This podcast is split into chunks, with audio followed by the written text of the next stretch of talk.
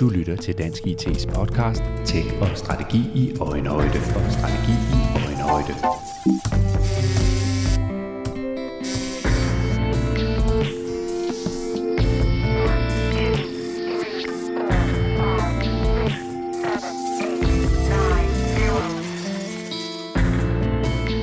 Det kan have alvorlige konsekvenser for både driften, økonomien og brandet, når en virksomheds IT-systemer sendes til tælling.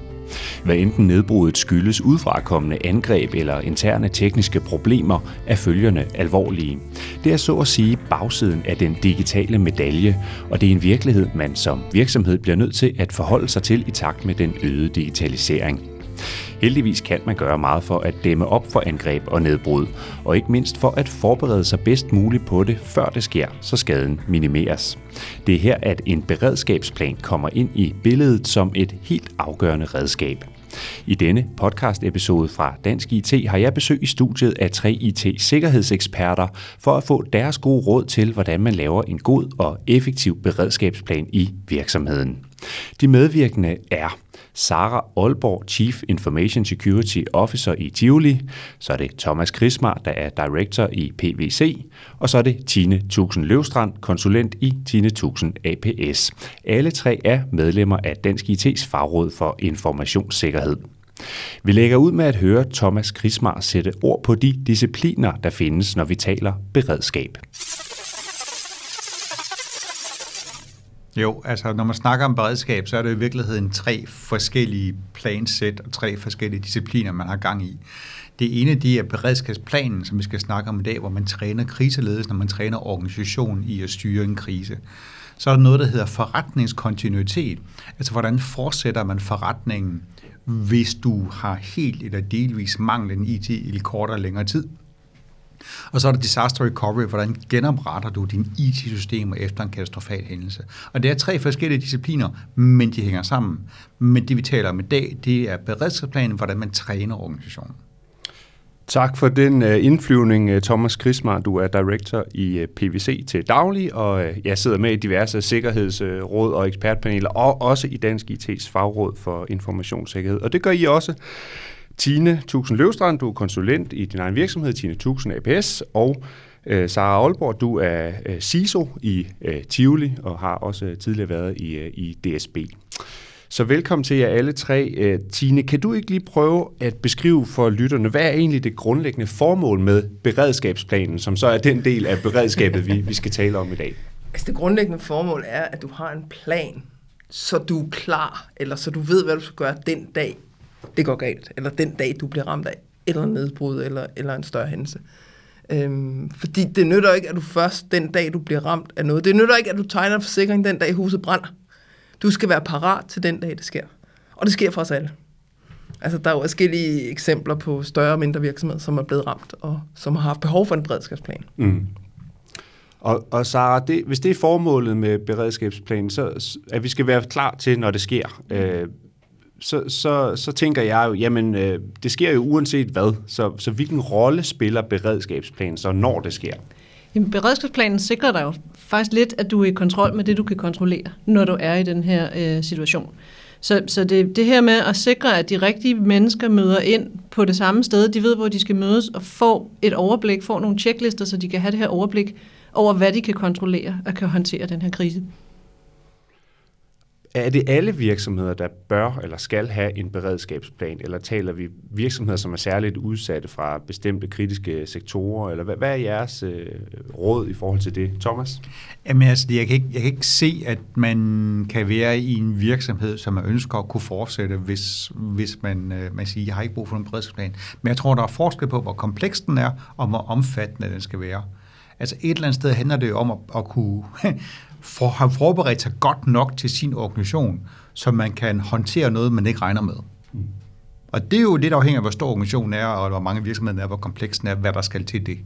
Men jeg kan også spørge på en anden måde. Hvad kan konsekvenserne være, hvis man ikke har en beredskabsplan, og man så bliver øh, angrebet? Eller? Jamen, det der, det der typisk sker, øh, når folk, der ikke har forberedt sig, eller virksomheder ikke har forberedt sig, de bliver ramt af en hændelse, så sker der for det første det, at øh, der er en lille smule panik. Der var sådan en helt del panik. Øh, og så begynder man at løse krisen og kaster alle ressourcer ind på det, og så efter maksimal døgn, øh, så begynder folk at falde om af træthed, øh, og så, så kommer der en lille smule apati, øh, og så prøver man så at se, hvad jeg kan gøre derefter, og så er nogle virksomheder, de så ikke rigtig kommer op igen efter apatien. Andre, de kan ved hjælp af helte klare sig igennem, men det har typisk nogle personlige og organisatoriske konsekvenser. Ja, Tine? Ja, og, og for at tilføje kan du sige, at har du en beredskabsplan, som, som fungerer, og som du også har trænet, så er der faktisk en chance for, at du for det første kommer op igen, men at du også kommer hurtigere op i forhold til, hvis du ikke har en plan. Så, så du med en beredskabsplan, kan du alt andet lige reducere den tid, du påvirker, eller den tid, du er nede. Mm. Så det er vigtigt at have alle virksomheder bør som udgangspunkt have det, og, og Sara, du havde også en kommentar. Ja, fordi det er sådan, at når vi er i en krise, øhm, og kortisolen den, den hamrer afsted i vores systemer, så sker der nogle ting i vores hjerner, som kan være uhensigtsmæssige i forhold til at komme hurtigt ud på den anden side. Der er en masse sådan nogle, øh, det man kalder biases, eller heuristikker, som gør, at vi vi agerer i en krise sådan meget med tunnelsyn, og vi har en tendens til at hoppe med på hinandens idéer. Så man risikerer, fordi at man er i den her krise, at, hoppe, at køre ud af en tangent at løse nogle problemer, som måske slet ikke er kernen til problemet. Og den her plan, den kan hjælpe en til at komme ind til kernen og kortlægge situationen, sådan så man kan agere øhm, på en hensigtsmæssig måde, i stedet for Fantastisk. Så er vi i gang, og vi har sat øh, øh, præmissen her, sat scenen, så vi ved, at, øh, at beredskabsplaner, det er altså ganske afgørende, øh, fordi at øh, vi også ved, at man bliver jo ramt øh, før eller siden. Øh, det er sådan, øh, virkeligheden ser ud. Så nu skal vi prøve at hjælpe lytterne med, hvordan laver man så en beredskabsplan? Nogle har ikke en i, i, i dag, man skal have en. Nogle har måske en, som ikke, øh, ikke bliver brugt eller ikke er kendt af nogen. Øh, så der kan være mange udgangspunkter. Men, men, øh, men hvad er øh, grundelementerne i en god beredskabsplan? Øh, Thomas, hvis du nu øh, starter ud, og så kan øh, Sara og Tine øh, supplere. Ja. Jamen, øh, grundelementerne i en god beredskabsplan, det er, det er kort og præcist. Øh, og det betyder, at, at man skal formentlig have et, et selve plan, hvor det beskriver, at øh, hvem kan hvad, og hvem må hvad, og det er en mand sådan på et helt overordnet plan, som ikke er, ikke er for langt. Men når det så handler om, hvad man skal gøre under en krise, så skal man skrive ned i såkaldte action cards. Og det er sådan øh, måske en halv af fire sider med maksimalt fem punkter på. Til første møde, når vi har en krise, skal jeg indkalde de her personer. De står på det her kort herover med min kontaktliste. Og så skal jeg have et øh, møde i krisestaben, og jeg skal give her fire punkter igennem.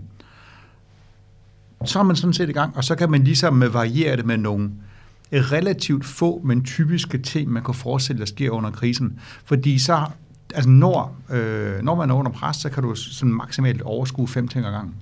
Mm-hmm. Øh, så man skal have det simpelt, og så skal man have det trænet. Simpelt, og det skal trænes, og, og vi har nogle action cards. Det kunne jeg godt lige tænke mig at dykke lidt mere ned i de der action cards. Tine, kan du lige give et eksempel? Hvad, hvad kunne det være? Et action card, øh, jeg vil hellere lige spole lidt tilbage og sige, men i virkeligheden beskriver du også i din beredskabsplan, hvilke roller du har. Altså, hvem gør hvad? Mm. Hvordan gør de det, og hvornår gør de? Øhm, og så har du så et action card for hver af de her roller. Du har en beredskabsleder, som ligesom er den, der har overblikket, og den, der leder, hvad gør vi nu, eller hvem, hvem gør hvad? Øh, hvem skal tage en beslutning, eller hvem skal hente noget, hvad det kan være. Og så har du en, en, en der tager notat, så har du en, der der kommunikerer, eller en, der sørger for kommunikationen, både udad til, indad til, og så videre. Og så stå, skriver du på din action cards, beredskabslederen skal gøre sådan og sådan, og sådan og sådan, og det er det. Øhm, og så er det så vigtigt, når du træner, at de roller, at du bliver i rollen. At du ikke lige pludselig begynder at gøre noget, som en anden rolle er ansvarlig for at gøre. Og når, og når det, det er nødvendigt at, at direkte skrive ned, hvem gør hvad og, og hvordan, øh, altså hvorfor er det, vi ikke bare kan bruge, vi har jo nogle stillinger til daglig, så vi ved jo godt, hvad vi skal gøre på vores arbejdsplads. Hvorfor er det, det er særlig nødvendigt i forhold til en beredskabsplan, at det er sådan meget direkte defineret, Sara? Men det er det jo tilbage til, til det her, når vi er i en, i en krise, så er det heller ikke sikkert, at, at det er de samme mennesker, der kan komme øh, til bordet. Du er simpelthen nødt til at træne det. Du er også nødt til for hver af de her roller, som Tine nævner, at lave en, en, en primær og en sekundær, og faktisk også en tertiær, som, som, så du kan rulle folk ind i løbet af en krise. Fordi vi ser nogle gange, at i for eksempel et hackerangreb, at virksomheder er nede i to-tre uger, og så kan du ikke uh, bero dig på, at det er de samme mennesker, der, der kan være til stede 24 timer i døgnet i de her tre uger. Det sker ofte op til en anden ferie eller et eller andet. Så der er man nødt til at sikre, at, at alle kan træde ind. Og det er derfor, de her roller skal være beskrevet så utrolig klart, så nærmest enhver kan tage den, som, som Thomas siger, fem punkter, og så sige, at det er det her, der er min rolle, og så gå ind i den rolle, så du, så du har en eller anden form for stab, der kan køre dig videre. Og det, og det er måske så lidt banalt, men jeg tænker, at man selvfølgelig er nødt til at inkludere øh, og involvere de mennesker, som får tildelt de her roller. Øh, ja, før at, øh, og mandater. Og mandater, ikke? Så, Fordi så det er nemlig vigtigt. ja, Thomas? Nej, men øh, eksempel på, hvorfor det er vigtigt med de her roller, for det, for det afklaret, det er jo, øh, hvis du har en når du har den, den, der har rollen beredskabsledelsen, skal typisk være den, der ved mest om krisen. Det vil sige, hvis det er et IT-angreb, skal det være en IT-kyndig, som er i stand til at disponere organisationens ressourcer. Hvis det er du ved, øh, brand, så er det nok en, der har styr på jeres bygningsmasse og sådan noget lignende. Den og nu øh, for at sige det som det er, den er typisk er suverænt ringest til at være beredskabslærer. De er typisk den, øh, der har flest stjerner på skuldrene i organisationen. For de vedkommende ved ikke, hvordan mekanikken hænger sammen. Og, i en skar, og derfor, men, men af ren ærkærhed, øh, så vil man gerne selv være beredskabsleder, fordi vi kender organisationer, jeg er jo direktør for det hele. Men i en skarp situation er det typisk direktionen, som står og taler med pressen og med interessenter, og har ikke tid til at være beredskabsleder. Så bare det har gjort den tanke på forhånd, gør, at man kan komme hurtigere i gang med at løse krisen som virksomhed bliver man jo udsat øh, ugenligt eller dagligt for forskellige former for angreb. Om det så er en phishing-mail, eller om det er et eller andet nedbrud, der skyldes noget helt andet, eller hvad det er. Men der er hele tiden nogle problemer, man skal forholde sig til. Så hvad, hvad afgør, hvornår den her beredskabsplan, den skal hives frem og sige, nu, nu gælder det altså, nu skal I lægge alt andet til side, hvad I øvrigt har af arbejdsopgaver, fordi nu er, nu er det beredskabsplanen, der tæller, og action cards, og hvad vi nu har i den. Tine? Det vil, den, den, tør du, den tør du ikke svare Nej, jeg, på. Jeg havde ikke, jeg havde ikke lige svar på Okay, men, men, men, det, det, det korte svar det er jo, det er, når man ikke kan løse den inden for de ressourcer, der til daglig er til rådighed. Ja, eller det ligesom processer. Det, eller processer, ikke? Og det, er jo, det er jo ligesom det, der kendetegner mm. krisen. Når du tager din organisation op i beredskab, så er det fordi, der er nogen, der skal have mandat til at disponere over alle organisationens ressourcer på tværs af de daglige prioriteter. Det er også derfor, at mandatet er så vigtigt. Men, men er det CISO'en, eller hvem, hvem trykker på knappen og siger, nu, nu er der altså code red her, der er altså, ikke så meget... Det, det, det som man, man kan gøre for at forberede sig, det er, hvis man har en incidentproces. Lad os sige, hvis vi taler om et IT-incident, så har du en, en, typisk en incidentproces, hvor du deler din incidents op i, uh, i minor, medium, major eller noget i den dur. Og så, hvis du, så kan man lave noget, hvor man siger, vi tror, at hvis vi har tre major incidents, så er det af en sådan kaliber, så vi løfter det op. Man kan også kigge på sin, øh, øh det der, altså den her ERM-proces, Enterprise Risk Management, og kigge på og så sige, hvor er vi henne i mulige konsekvenser af de her incidents samlede impact.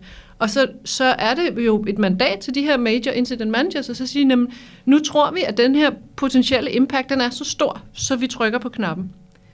Det kan så også være en god idé at så sige nogle gange, det er kun et major incident, men vi trykker på knappen alligevel, fordi så får vi trænet vores beredskab.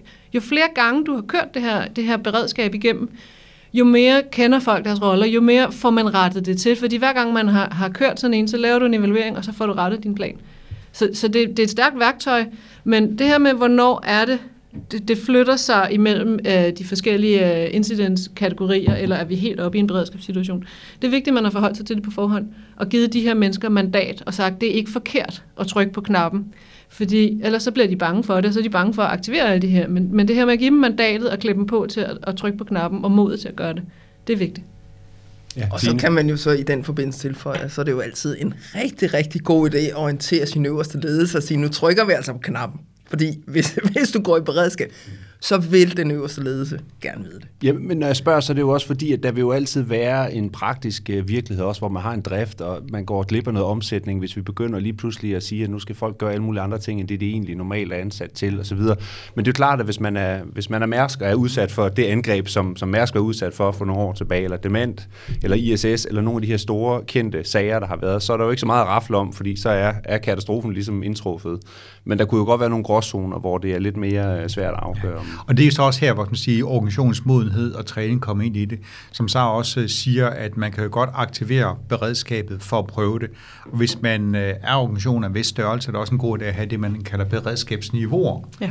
Øh, hvis du for eksempel er en, en, det er jo så typisk en større organisation, der har et major incident dedikeret til det, at håndtere større IT-hændelser, så kan man jo, så kan man jo sagtens lægge ind i en plan, jamen, hvis I nu mener, at det her har potentiale til at blive en stor ting, så aktiver om det hedder i, i stabs, hvad hedder det, i informationsberedskab, øh, hvor man sådan bare siger, der er en større ting, er det dem, der normalt der er i kriserledelsen, for at lige en mail om, vi har en større ting i gang, bare roligt ved at styre på det. Og hvis det så udvikler sig, for det er jo typisk sådan mm. nogle hændelser, der gør, at pludselig, okay, det var ikke lige, som jeg regnede med, så kan man gå i det, der hedder statsberedskab, hvor kriseledelsen bare samles, og så får de en orientering om, at det her, det kan muligvis glide os hen lige om lidt, men nu er jeg i hvert fald orienteret. Og så har man så det fulde operationsberedskab, hvor så, man siger, det er all hands on deck.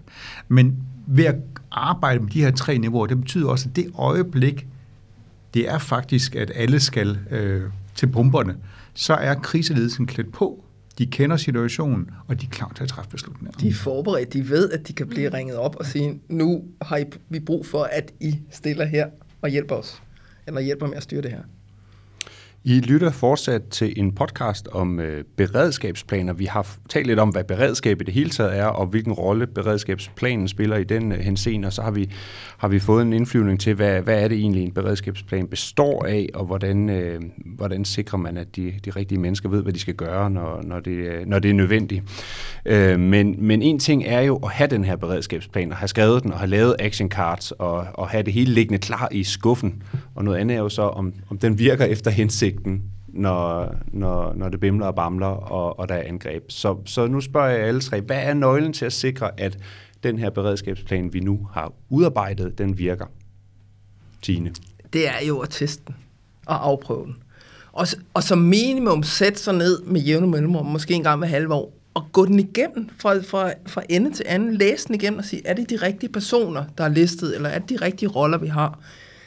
Øhm, test, om, om de rigtige telefonnummer stadig, eller om telefonnummer til eventuelle leverandører stadig fungerer, osv. Øhm, men du er jo nødt til at teste, fordi du kan sætte dig ned og læse og have en formodning, det ser fint ud, og uha, det kan vi godt klare, men du finder først ud af det den dag, du tester. Ja, og det, det er nemlig rigtigt det der med, med at teste, fordi hvis man ser på det sådan adfærdspsykologisk, så er vi i en anden sindstilstand, når vi skriver vores plan, og når vi opdaterer den. Vi, vi er sådan lidt mere rationelle, og vi har en tendens til at få detaljerne med, og vi har lidt svært som mennesker ved at se på vores, altså det jeg kalder et fremtidsjeg, som, og vi ser lidt på det som, som, som et andet menneske, men vi har svært ved at vurdere, Hvem er jeg, når jeg er i krisen? Så tror vi, at vi har det samme overblik og den samme detaljeorientering, og det har vi ikke, og det er derfor, vi er nødt til at teste vores plan. Det er derfor nødt, nødt til at være pindød simpel, som Thomas siger, og det er derfor, vi er nødt til at teste den i en situation, der ligner en, en eller anden form for en skarp situation, hvor vi får det her kortisol op og banke, hvor vi kommer sådan lidt ud af, af vores komfortzone, fordi det er først der, vi ved, om planen virker. Fordi vi ved, så hvordan er jeg, når jeg er i den situation. Mm-hmm. Så det er rigtig vigtigt at, for, at, at huske, øh, det er det her adfærdspsykologiske, når man taler lige præcis beredskab. Mm. Ja, og, og hvis, hvis jeg må supplere, så handler det jo også lige så meget om, at, at jeg har ikke været til nogen træning, øvelse, test, uden der er nogle plan, der skrives om bagefter. Man lærer af det hver eneste gang. Hvor den, der har skrevet, synes, det er det super klart, øh, hvad, der, hvad der skal ske lige her, og så nogen siger, øh, det der, det forstår jeg ikke. Øh, eller, nej, den her organisation, den er blevet nedlagt. Hvem skal så gøre det? Der er altid sådan nogle bevægelige dele i en plan, hvor man, øh, bliver, man bliver altid klogere, eller det her det er ikke nødvendigt, det kan vi forsimple. Og alt det, man kan forsimple, det skal man bare tage med det samme. Eller man har lagt for mange opgaver på en rolle. Ja. Så det viser sig, at der er en flaskehals i en af de tilstedeværende, mm. som ikke har været tiltænkt. Jamen lige præcis. Bare det vil sige, at vi har en krigsleder, han beslutter, hvad skal skal gøre med krisen. Fint nok. Hvem er det i virkeligheden, der så skal bare notere ned, hvem har besluttet hvad, hvem har fået opgaven, og hvad er status på opgaven? Ja. Det kommer beredskabslederen jo ikke til at gøre, fordi vedkommende er travlt med at styre krisen. Enig. Så det er i virkeligheden også lidt ridset op her. Det er nogle af de faldgrupper, man skal være opmærksom på, når man øh, laver øh, beredskabsplaner. Er der andre ting, I mener, der man, man, altså baseret på jeres erfaring, altså hvor man kan gå galt i byen i forhold til, når man laver en beredskabsplan? Hvis du gør det for kompliceret. Vi var, vi var inde på helt i starten at sige et action card, der skal stå, der skal være fem punkter, fordi det er, hvad, en, hvad et menneske kan overskue i en skarp situation. Det skal pine død være simpelt, og det skal være meget, meget simpelt. Og så kan du jo ikke forberede dig på alle mulige tænkelige scenarier, så du er nødt til at lave en, der bliver for mere generisk, men som dækker, at du har noget frirum til at agere. Og så den sidste ting, man lige skal nævne her, som øh, jeg tror ligger os alle sammen meget på scenen, der at den organisation, du har i hverdagen, det er også den organisation, der skal løse krisen. Det vil sige, det der med at lave nye enheder, nu samler du lige 14 mand på tværs af øh, 15 forskellige afdelinger til at løse den her. Hvis de ikke er vant til at arbejde sammen, hvis de ikke er vant til at træne, så kommer det jo ikke til at ske. Øh, man skal dermed stå på den organisation, man har, og sige, vi har faktisk nogen, der er super gode til IT-drift, hvis det er en IT-hændelse. Så skal de også også løse, når der er krise. Og ham, der leder den afdeling, han skal også løse det, når der er krise. Eller sørge for, at afdelingen løser det. Ja, så. Jamen, jeg har faktisk også et, et punkt, som jeg synes kan være en faldgruppe. Det er det her med kommunikation. Det her med, at de rigtige mennesker, det, det er simpelthen nødt til at være så lavpraktisk, at vi siger, at hvis vi er i en situation, så mødes vi om muligt fysisk. For det er ikke sikkert, at hvis du skal ringe ind og åbne en mødetelefon, og der er fem punkter før du gør det, at så de, de her andre mennesker kan finde den mødetelefon og finde ind her. Så det her med at sige, at vi mødes i det her rum, hvis det her sker, de her mennesker. Sådan helt pragmatisk. Fordi øh, ja, Teams er smart, men det er det lige indtil vi ikke har Teams mere. Og hvad gør vi så?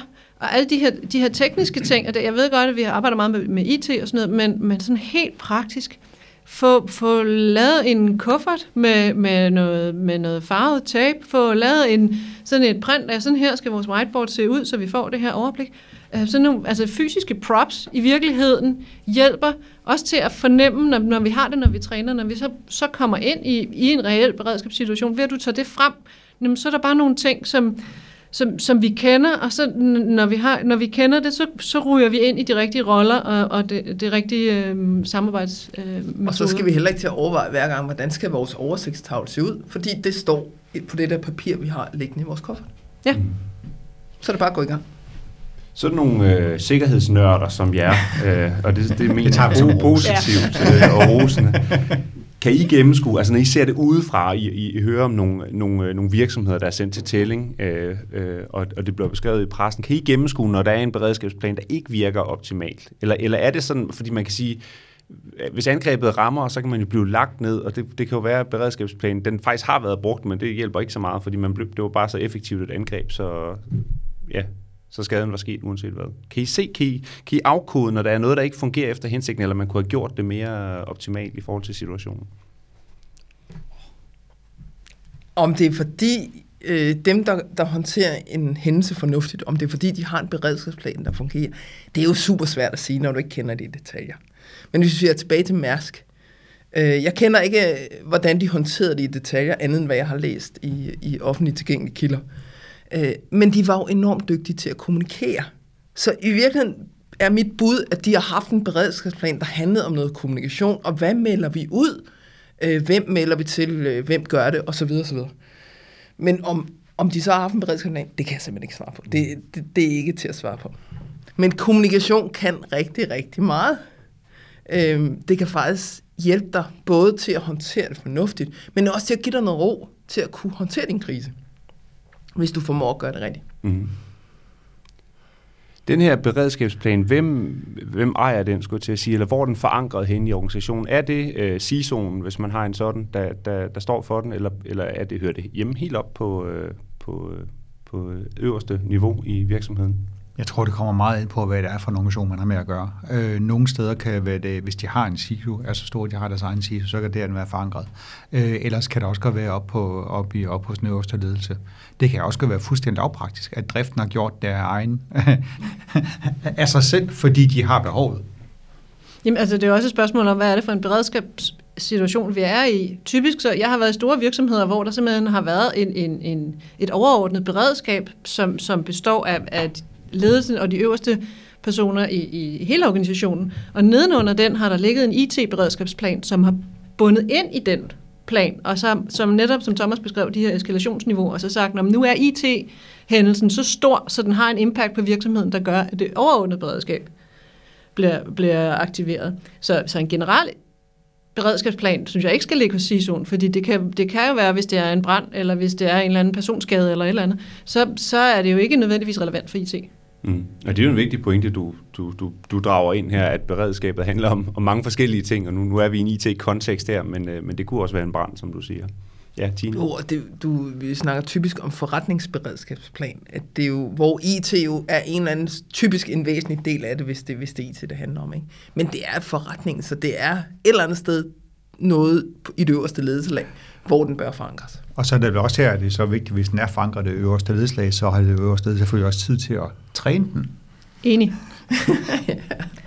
Absolut. Ja, og hvis jeg må kommentere på den, så er vi jo også ude i, at, at, at i større organisationer af en vis modenhed, så har man formentlig det, der jeg kalder for en out-of-band-løsning. Der er sikkert nogle andre ord på det, men som er en fuldstændig solitær øh, øh, løsning, som man har et eller andet sted, hvor at, at, øh, at den øverste ledelse og beredskabet kan logge ind og finde beredskabsplanen og diverse wikier.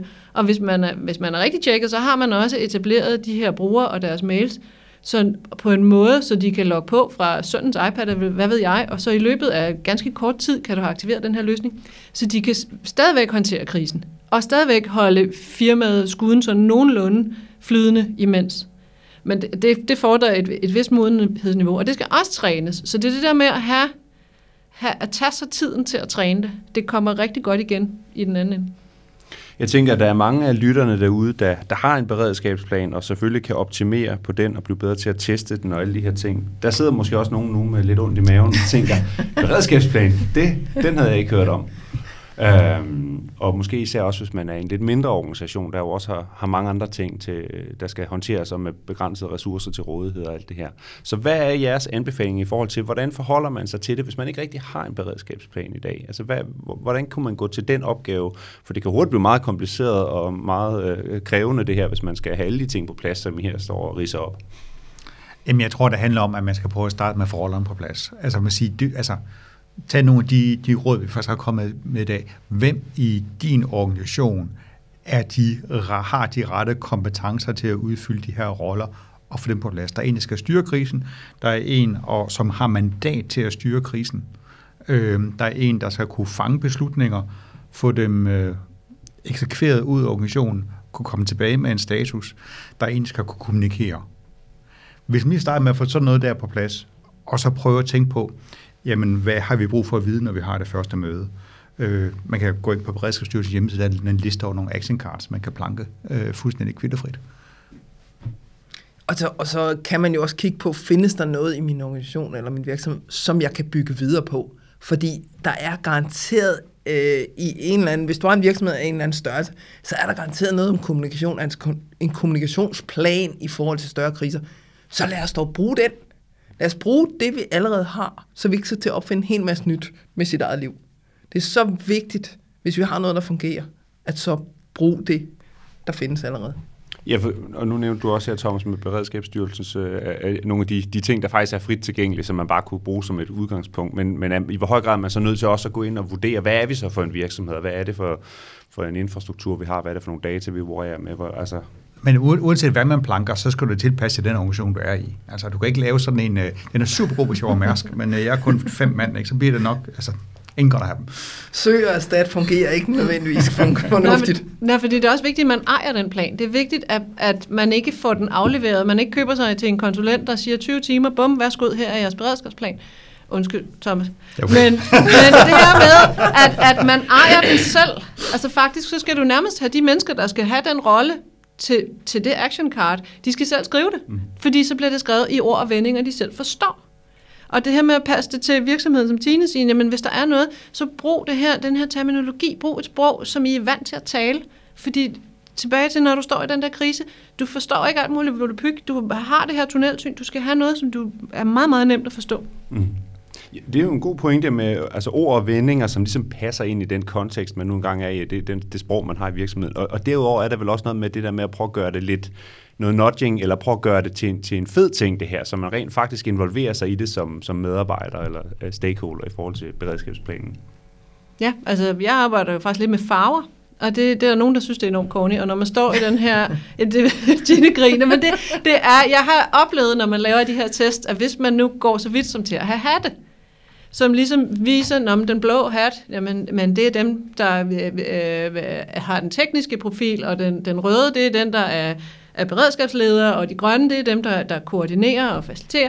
Altså, at man så har den her farve, der er gennemgående for rollen. Både man kan se det fysisk, når man står i, i en træningssituation eller en situation, så har actionkartet den farve. Og der er på agendaen på de her statusmøder, der er der øh, farver angivet for hvem, hvad for en rolle, der skal sige noget til hvad for nogle punkter. Og, og det er jo, fordi det skal være så utrolig nemt for os at gennemskue. Hvis jeg ved, når man i dag har jeg den blå rolle, så skal jeg kun kigge efter de blå ting. Så det her med hele tiden, som jeg kalder at lave fortykket mad, gør det så nemt for os selv som overhovedet muligt, når vi står i situationen. Det tager noget tid, når vi træner, og, og giver os selv lov til at træde ind i den rolle. For det, og det kan være svært, som Tine siger, det med at blive i rollen. Fordi det er jo bare noget, vi leger, og vi voksne mennesker, vi har måske lidt svært ved den del af det. Men det er vigtigt, at vi gør det. Ja, god øh, pointe der. Vi har talt en halv times tid, og vi skal så småt øh, til at runde af, men, men jeg kunne godt tænke mig at, øh, at slutte af med at spørge jer, altså hvis, hvis I sad ude i en given øh, virksomhed i dag og havde øh, ansvaret for, for IT-sikkerheden og, og, og måske også beredskabsplanen som en del af det, hvad vil I så fokusere på for at sikre, at den plan er Øh, bedst muligt og fungerer bedst muligt, når, når skaden sker? Altså, hvad, hvad skal ens primære fokus være, øh, når man kigger lidt øh, fremad? Der er jo mange ting, man kan bruge sin tid på, så, så hvor skal man primært fokusere henne? Jeg vil jo sige, at man primært skulle fokusere på, at den for det første er kendt. Altså dem, der er, øh, har en rolle eller har en funktion i en beredskabssituation, de kender den. De ved, hvordan de finder den. Og det gør man jo bedst ved at træne. Og træning er jo også, at nu mødes vi her en halv time, øh, første onsdag i måneden, og så træner vi, hvordan vi tilgår det her alternative kommunikationssystem, vi bruger. Så sætter vi os ned og prøver at logge ind og så videre, og, og sender nogle beskeder. Det er sådan noget mikrotræning. Men det er jo også en væsentlig del af det, så jeg ikke sidder ind i en beredskabssituation, og lige pludselig skal jeg oh, uh, hvordan logger jeg ind? Hvor er mit password? Hvad er min konto? Og så videre. Men træning, træning, træning. Mm. Træning, træning, træning. Hvad siger du, Sarah? Jeg siger, hold den nu opdateret. For jeg ser rigtig ofte, at de her planer, de sander til. Nu har jeg skrevet den, så, så hvad skal man dine hænder, og så siger man, nu har jeg den. Jeg lægger den her i skuffen. Og så, så er den hellige grav vel for meget. Men det her med at sikre sig, at man, man selv eller nogen andre tager den op en gang hver tredje måned, hver halve år, lige og ringer telefonnummerne igennem, siger, virker det her, når vi står der? Um, og så det her med, at den skal være så simpel. Jeg synes virkelig, altså jeg har det her banner, der hedder Simple Secure, for hvis ikke det er simpelt, så sker det ikke. Mm. Så træning, og, og holde det simpelt, og holde den opdateret. Og så få den integreret i hverdagen i organisationen, men det hænger jo lidt sammen med det, der er blevet sagt. Ikke? Altså lære at give mandatet til, du må gerne aktivere den heller en gang for meget, en gang for lidt. Det er altid nemt, fordi hvis man har den træning, så er det nemt at gå op i beredskab, og så er det nemt at gå ud af beredskab igen. Men så har jeg ligesom fået det der adrenalinrus, øh, som gør, at man, man, man, kommer op, øh, man kommer op på durene. Og bruge den til at bruge de der minutræner, som vi også har været inde på tidligere med, at når du har et incident, så aktiver din beredskab og brug det til at håndtere det incident, selvom det ikke nødvendigvis er en beredskabssituation. Tine, Thomas og Sara, tak fordi I kom og var med til at bidrage med en masse gode pointer og erfaringer i forhold til beredskabsplaner, som jeg er sikker på har inspireret nogle øh, lyttere derude, så, så de kan komme i gang med, med arbejdet og blive endnu bedre til at have beredskabet klar øh, til, til når, det, når det sker med et angreb eller et nedbrud eller en brand eller hvad det nu er. Tak for jeres bidrag. Selv tak. Selv tak.